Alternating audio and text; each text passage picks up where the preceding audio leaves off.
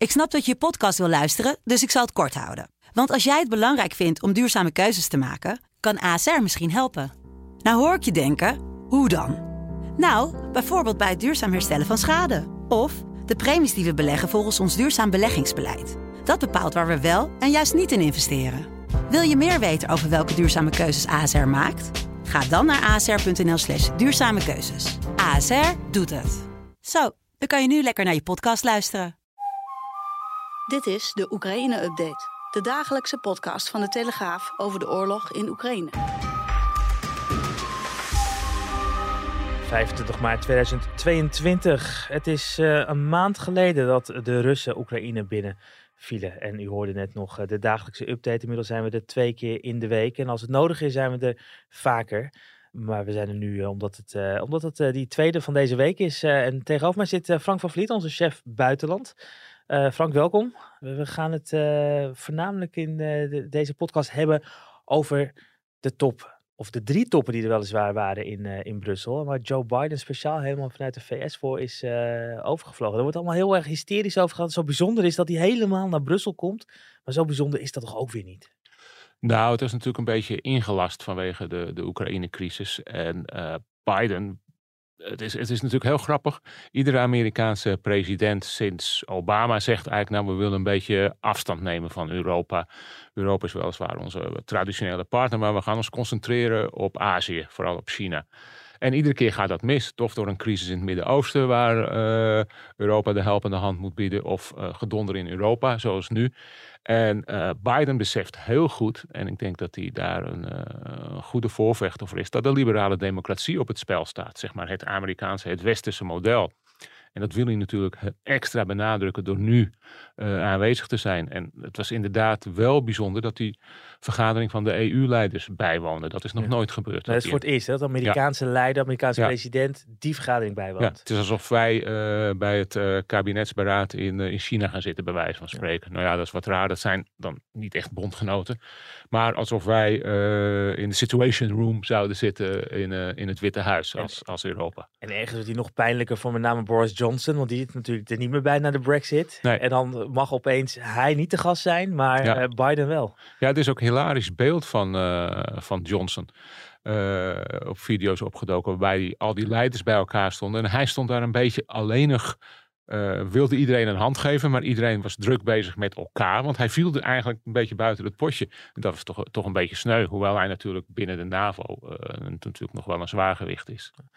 Nu zien we de afgelopen weken Biden in allerlei persverklaringen en persconventies soms niet helemaal uitkomen met welk land het nou is. Maar dat is van helemaal tientallen jaren bekend dat, dat, dat hij daar wat moeite soms mee heeft. Hè? Ja. Um, maar nu is dat natuurlijk wel heel pijnlijk. Als je moet op de juiste momenten natuurlijk wel weten waar het echt over gaat. En toen riep hij ook nog eens bij het weglopen uit de vraag uit de zaal. Uh, ja, Poetin is een oorlogsmisdadiger. Uh, waarvan achteraf kan worden gesteld van is dat vooraf besproken of is dat gewoon, hè, hij roept dat ja. uh, zonder dat de adviseurs er iets van zeggen. Hoe vind je de indruk die hij maakt? Hij heeft natuurlijk altijd een reputatie gehad van flap uit. Mm -hmm. En dat weet hij meestal met een soort grap nog wel goed te praten. Ja, ik vind het heel moeilijk om over Biden te praten. Net zoals ik het altijd moeilijk vond over te praten over Trump. Dat mensen zeiden van ja, is hij nou wel helemaal bij de les? En dan denk ik, ja, dat, dat kunnen wij eigenlijk niet echt zeggen. Ik bedoel, dan moet je aan een dokter vragen. Mm -hmm. Dat vind ik ook voor Biden. Maar ja, dat hij zich vaak uh, verspreekt en soms een uh, moeizame indruk maakt, dat is zo. Maar ja, aan de andere kant, hij is natuurlijk oud. Maar hij begrijpt hier wel heel goed wat op het spel staat. Mm -hmm. Ja, en, en, zien, we dat, uh, zien we dat ook in, in, in het optreden bijvoorbeeld bij de NAVO? Ja, ik denk het toch wel. Hij neemt toch echt wel het voortouw en hij, hij moet het ook doen, omdat hij natuurlijk te maken heeft met types als Macron, die eigenlijk veel liever een Europees leger hebben. Ja. Wat volgens mij uh, nog tientallen jaren weg is. Je kan, je kan niet eens vanwege al die wapens die Amerika exclusief heeft, kan je niet eens alleen als een Europees leger. Dus hij moet daar wel op hameren. Ondertussen zien we dat vanuit Oekraïne die roep blijft, hè, die no-fly zone. Maar nu was het ook, uh, Zelensky ziet inmiddels ook wel in van, nou, de, de, dat gaat niet uh, gebeuren. Dus inmiddels zegt hij van, geef nou, wat was het, 1% van, ja. uh, van jullie capaciteit. Ja. En jullie zien dat wij er wel raad mee weten. Ja. En dan weten we er ook echt wel raad mee. Maar die, dat wordt niet, wordt niet echt naar geluisterd. Nee, en dat is natuurlijk, en daar zijn mensen het niet over eens of het nou een strategische fout is geweest door Biden, door vooraf meteen te zeggen van, nou, eh, we helpen jullie, maar tot, tot dit is onze grens. We willen geen directe confrontatie aangaan met eh, Rusland, want dan hebben we een derde wereldoorlog. Ik denk nog steeds dat je daar eh, misschien blij om moet zijn. Aan de andere kant, je hebt dat al vooraf gezegd, dus dan neem je ook iets van een dreiging weg. Maar ja, je staat wel tegenover een, een, een kernmacht natuurlijk. En het is voor die Oekraïners natuurlijk ontzettend zuur. Ik bedoel, ja, ze, zou, ze wilden zo graag, althans een deel van die bevolking, Mhm. wilde zo graag bij Europa en bij de NAVO. En nu is het soort alsof je een, ja, ik weet niet, alsof je, alsof je een tijger voedt met wortelen of zo. Weet je wel, dat valt het beest niet van te overleven. Dat, het is dat die Oekraïne die vechten zich eh, heldhaftig eh, dood. Lijkt het, lijkt het op. Ja, en dan geef je hun niet de middelen, zelfs de minimale middelen niet. Het geldt niet alleen voor Europa en, en de Mhm. VS, maar bijvoorbeeld, ze hebben aan Israël gevraagd, geef ons nou de Iron Dome. Dome. Ja. Weet je wel, dat is een geweldig luchtafweergeschut. Ja. Ook Israël geeft dat niet, want die heeft ook weer belangen met Rusland. Iedereen wil iedereen eh, toch nog enigszins te vriend te houden. houden. Maar ja, het is, het is gênant. Ik bedoel, eh, ik zou zeggen, bijna zeggen, sodemiet er maar op met die NAVO en de EU. En dus zie je ook dat, dat daar wat scheuren ook in zijn. Hè? Dus die eensgezindheid gaat ver, maar die is niet helemaal 100% eh, eh, aanwezig. En dan wordt al gesproken, ja, toch een soort red line. Wat is dan uiteindelijk die rode lijn die Ja. Poetin over moet gaan? Dat men wel zegt van oké, dat Israël gaat die Iron Dome leveren. En de wapens worden gewoon eh, geleverd aan Oekraïne.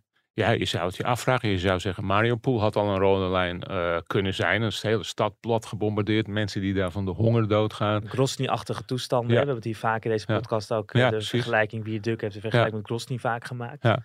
En eh, ja, nu eh, zegt Biden weer, nee, als je met chemische wapens eh, gaat gooien, dan krijg je een proportionele reactie. We would respond. We would respond if he uses it. The nature of the response would depend on the nature of the use. En dan denk ik, ja, is dit nou ook weer slim? Eh, geef je nu een, een, eh, zeg een kans van, hey, kijk, een uitnodiging, ik ga dit doen. Want, want wat, niemand weet wat Poetin wil. Wil hij nou de NAVO op afstand houden of wil hij ze er juist bij betrekken? Chemische wapens zou een, een rode lijn kunnen zijn, maar ik, ik weet het niet. Nee. Ik weet het niet. Je hebt natuurlijk met kernwapens te maken. En, eh, maar je kan ook zeggen, ja, als je die rode lijn eh, steeds oprekt, dan kom je vanzelf wel bij kernwapens uit. Ja. Ja, het is daar overigens ook niet gezegd wat dan er zou gebeuren. Hè? Dus dat, Nee. ja, dat zou dan de rode lijn Ja. zijn. Maar, en, en dan Ja. wordt er opgetreden. Maar wat dat optreden dan is, Ja. dat werd volgens mij, Ja. als ik het goed begreep, wat in het midden gelaten. Maar we hebben natuurlijk ooit een rode lijn gehad in Syrië met chemische wapens. Toen al die kinderen gedood werden Mhm. door, eh, door, door chemische bommen van Assad. Mhm. En toen is eigenlijk door eh, inmenging van Rusland is het tot een ander alternatief gekomen. Toen hadden ze gezegd, nou als jullie nou je chemische wapens inleveren, dan grijpen wij bij jullie niet in. Dus toen heeft Obama die rode lijn ook alweer verlegd. Dus ja, in de tijd werd dat gezien als nou, misschien wel een meesterzet. En misschien wel eh, heel aardig van Poetin, oorlog voorkomen, et cetera. Achteraf kan je daar natuurlijk anders over denken. Van invloed kopen en eh, je positie in Syrië, die later, waar je later, eh, als je cynisch bent, heeft geoefend voor, voor de Oekraïne. En en we zien daar ook hè, door die oorlog ook nu allerlei belangen die er nu nog spelen. En zelfs allerlei troepen die vanuit de- die andere Ja. kant nu weer komen meehelpen.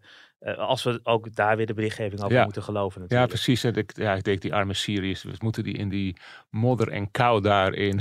Ja.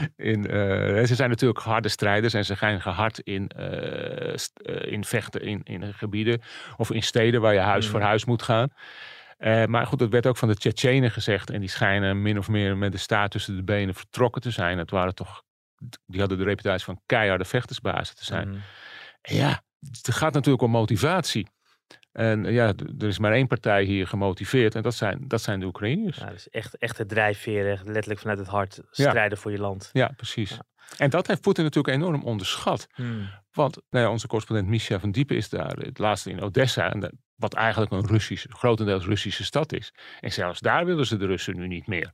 Ik zeg, ja, dit gaat toch wel even te ver. Dan toch nog even eh, terugkomen bij de, bij de NAVO. Eh, ondertussen zien we namelijk dat ze wel aan die oostgrenzen, de Baltische Staten en eh, Roemenië, ja, daar zien we dus wel dat, dat er steeds meer troepen naartoe worden gestuurd. Ja, zeker. Maar goed, het is ook allemaal defensief. En het is natuurlijk, ik wil niet zeggen mondjesmaat, maar het zijn natuurlijk ook niet, zeg maar, dat, dat er een algemene mobilisatie is hier, eh, dat de dienstplicht weer wordt opgeroepen, et cetera. Maar het is wel een teken. Het is natuurlijk heel irritant voor uh, Poetin, die juist heeft gezegd dat al maar uh, optrekken van de NAVO richting mijn grenzen. dat overdrijft hij nogal, want het is niet dat de NAVO oprukt. Die landen hebben zich afgewend van zijn land bij het uiteenvallen van de Sovjet-Unie.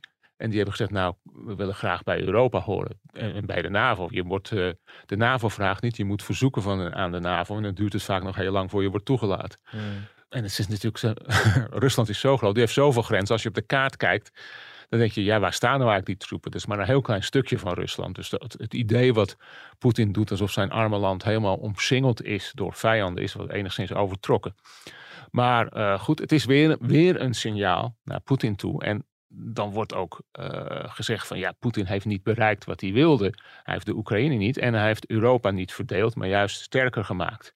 En ja, dat, dat is nog maar de vraag. En dan komt er nog een, wat ik een interessant fenomeen vind, is de, eigenlijk de vluchtelingen. Want dat heeft hij denk ik ook gewoon als wapen gezien. He? Ontwricht Europa maar met 10 miljoen Oekraïners die opgevangen moeten worden. En wat hij denk ik heeft onderschat, is dat tot nu toe men daar uh, heel relaxed mee omgaat in Europa.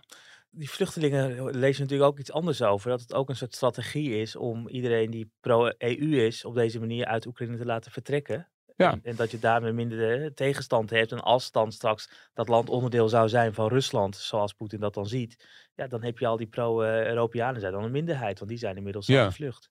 Ja, ik weet het niet. Ik denk dat dat het nu toch wel, wat, wat ik net zei over die, die Russisch, ja. Russisch-taligen die ook al heel boos zijn op Poetin. Dus ik denk dat dit, dit beeld van een, van, van, van een land dat zo grof aanvalt, eigenlijk zonder echt aantoonbare oorzaak. Ik bedoel, uh, het is niet een reactie op, op, het is geen tegenaanval, het is gewoon een invasie.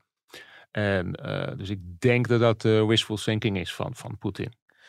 Ik zei het al uh, richting het einde van de podcast, maar ik vergat één belangrijk onderwerp waar natuurlijk ook deze dagen over gesproken wordt, is, uh, is gas. Ja. Um, en op het moment dat wij hier zitten, zitten de EU-leiders weer bij elkaar. Dus daar kunnen we het niet over hebben wat daar besproken is. Wat we wel weten, is dat Biden uh, nou, als een echt een handelsman ook richting Europa kwam. Want er is ook een deal gesloten ja. over levering van Amerikaans gas aan Europa. Ja, dat is het liquid gas. Hè? Dat mhm. met boten moet komen en zo. En ik vraag me nou altijd af, ja, dat gaat volgens mij niet sneller dan een pijpleiding. In mijn uh, simpele ziel.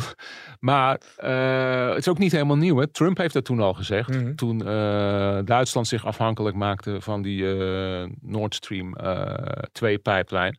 Dus gas uit Rusland. Trump ageerde daar heel fel tegen. Ja, hè? Dus hoe kunnen we nou Rusland als vijand zien? En ondertussen gewoon gaat Duitsland en, en daarmee ook Europa dealen met datzelfde Rusland. En daar had hij natuurlijk gelijk in. En Biden borduurt, sorry, borduurt daarop voort. En uh, door meteen die deal te sluiten. En uh, ja, het is logisch. En nu zijn we ook Nederlands net bij Qatar geweest. Ook, die is ook een grote gasproducent. Mm. Ik vind het wel grappig, want Qatar deugde toch niet vanwege het WK voetbal. En al die arme Nepalese arbeiders die daar misbruikt werden en de dood vonden. Maar nu, nu mogen ze bijna het WK wel winnen van ons als ze het gas maar geven. Dus het, we liggen wel een beetje te bedelen om dat gas. En dat, dat heeft dus allemaal te maken met volgens mij inderdaad die strategische fout om te afhankelijk te zijn van het Russische gas. En dan zijn er ook nog mensen die zeggen, ja, hallo, hoe financiert Poetin die oorlog? Ja, en wat is de grote inkomsten? Gasinkomsten. Gas, ja. En wie is de grootste afnemer? Volgens mij Europa. Mm Ja, dus, dus, dus wij betalen voor de bom op Kiev en dan eh, geven we hun geen afweergeschut. Het blijkt dat ingewikkelde globale constructie, financiële constructies te zijn, die natuurlijk al decennia bestaan. Waar, waar, Trump natuurlijk inderdaad tegen ageerd heeft. Eh. En het is natuurlijk ook opvallend dat Rusland gewoon nog gas blijft leveren. Want die kunnen ook niet zonder. Dit is natuurlijk heel raar. Ja. Dat, uh, er rijdt een bus op je af en je tankt hem nog even bij bij wijze van spreken. Ja, dat moet denken aan, in een van die eerste dagen van, uh, van de oorlog, zei de oud-president, uh, Russische president Medvedev, die zei van ja, straks zitten jullie in de kou, want we zullen wel het gas afsluiten. Maar, ja, Tot nu toe nog niet. Nee, want dat, dat geld is ook gewoon hard nodig. Iedere euro die binnenkomt, die roebel is niks meer waard. Ja, en misschien zijn er ook nog wel wat oligarchen die tegen Poetin zeggen, nou, als je dat in je hoofd haalt, dan is het over met je. Hm. Nou, dat, dat weten we niet. Dat weten we niet. Dat is, uh, prachtige spionnenspeculaties. Maar... Ja. ja, dat blijft mysterieus. Hè? Poetin en wat daar omheen gebeurt. En wie nou de mensen om hem heen zijn. Op welke manier ze adviseren. We proberen daar zoveel mogelijk verhalen over te maken. Aan de hand van informatie dan uh, toch naar buiten komt. En ook uh, mee, andere internationale media afschrijven. Maar blijft fascinerend. Ja, dit is eigenlijk net als, als, vroeger toen we naar het Kremlin, dat je van die Kremlin-watchers en dan stonden ze daar naar uh, die wapens te, op 1 mei naar de wapenparade te zwaaien. En hé, hey, die is er niet bij. Wat zou dat betekenen? Ja. Of die hebben we vijf dagen niet gezien. Dat is nu, nu dat verhaal met die defensieminister ook weer. Die, buddy van Poetin die dan twaalf dagen verdwenen was. Ja. En opeens weer opduikt aan een lange tafel. Ja, maar toen bleek dan was er meer sprake van dat hij misschien wel was, uh, was ingeplakt. Dus uh, ja, het, het, is echt, het is echt ouderwets bijna, zo uh, hoe we nu, nu naar moeten kijken. Dan verlang je zeker weer terug naar die oude tijden, toen dat, dat plakken op die manier niet kon. Dat je gewoon kon zien dat het nep was. Ja, precies. Het, is, het wordt steeds beter gedaan. Ja. Frank, dankjewel. Uh, je blijft uh, samen met jouw team en uh, je noemde de correspondent Misha van Diepen al, al het nieuws volgen. Um, en we zijn er volgende week dinsdag weer met een nieuwe aflevering van deze podcast. Dus op dinsdag 29 maart. Maar mocht er in de tussentijd aanleiding zijn vanwege grote nieuwsgebeurtenissen, dan gewoon een extra Oekraïne-update. Bedankt voor het luisteren en tot de volgende. Jo.